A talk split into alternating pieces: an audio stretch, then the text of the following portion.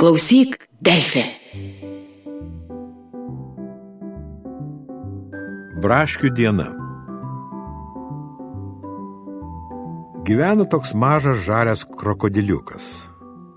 Jis buvo didelis smalyžius. Labiausiai už viską mėgo braškes.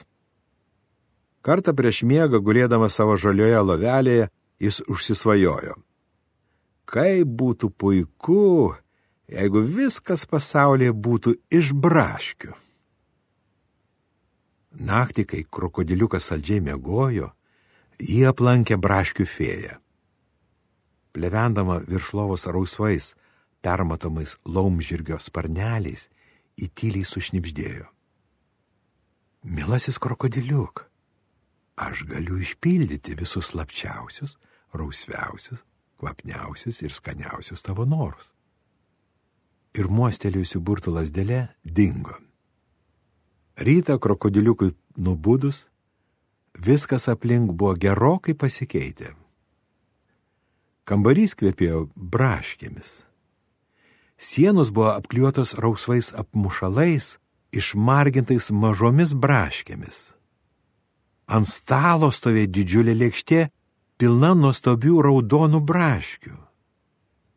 Susijaudinęs krokodiliukas greit pašoko ant kojų, įsispyrė į braškių formos šlepetes ir nubėgo prie stalo. Staltėse irgi buvo išpuošta braškių ornamentais. Taip pat ir užuolaidos ant langų. Krokodiliukas nieko nelaukdamas puolė valgyti braškes. O įdomiausia, kad ir kiek jis valgė, braškių lėkštė nemažėjo. Krokodiliukas labai džiaugiasi. Kaip puiku! Aš gyvenu braškių pasaulyje.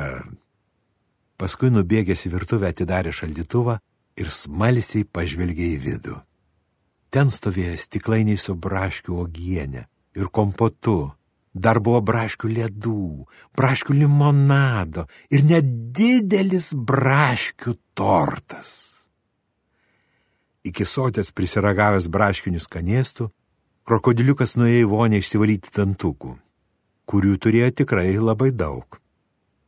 Dantų pasta buvo rausva ir braškių skonio. Muilas kvepėjo braškėmis ir net oro gaiviklis kleidė stiprų, kvapą gniaužiantį braškių aromatą. Krokodiliukas greitai pastebėjo, kad viskas jo namuose vienaip ar kitaip susijęs su braškėmis. Šviestuvai buvo braškių formos ir skleidė rausvą braškišką šviesą. Visi drabužiai išmarginti įvairaus dydžio braškėmis. Knygose visi paveikslėliai vaizdavo braškes. Vienintelis namuose nepanašus į braškę ir neraudonas buvo jis pats - mažas žalias krokodiliukas. Krokodiliukas atidarė lauko duris ir kyštelio galvą apsidairyti laukia dvelkia gaivus braškių vėjelis, o vietoje įprastos saulės rausvame danguje švietė skaisti raudona braškė. Darželė prie namų augo vien braškės.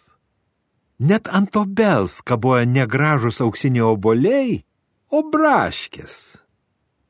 Gatve prabėgo kelios braškių pavydalo būtybės, matyt skubančios į darbą. Pravažiavo raudonas apvalus automobilis, jis kleidė tirštus raudonus braškių kvapo dūmus. Krokodiliukas grįžo į kambarį ir nusprendė pažiūrėti televizorių.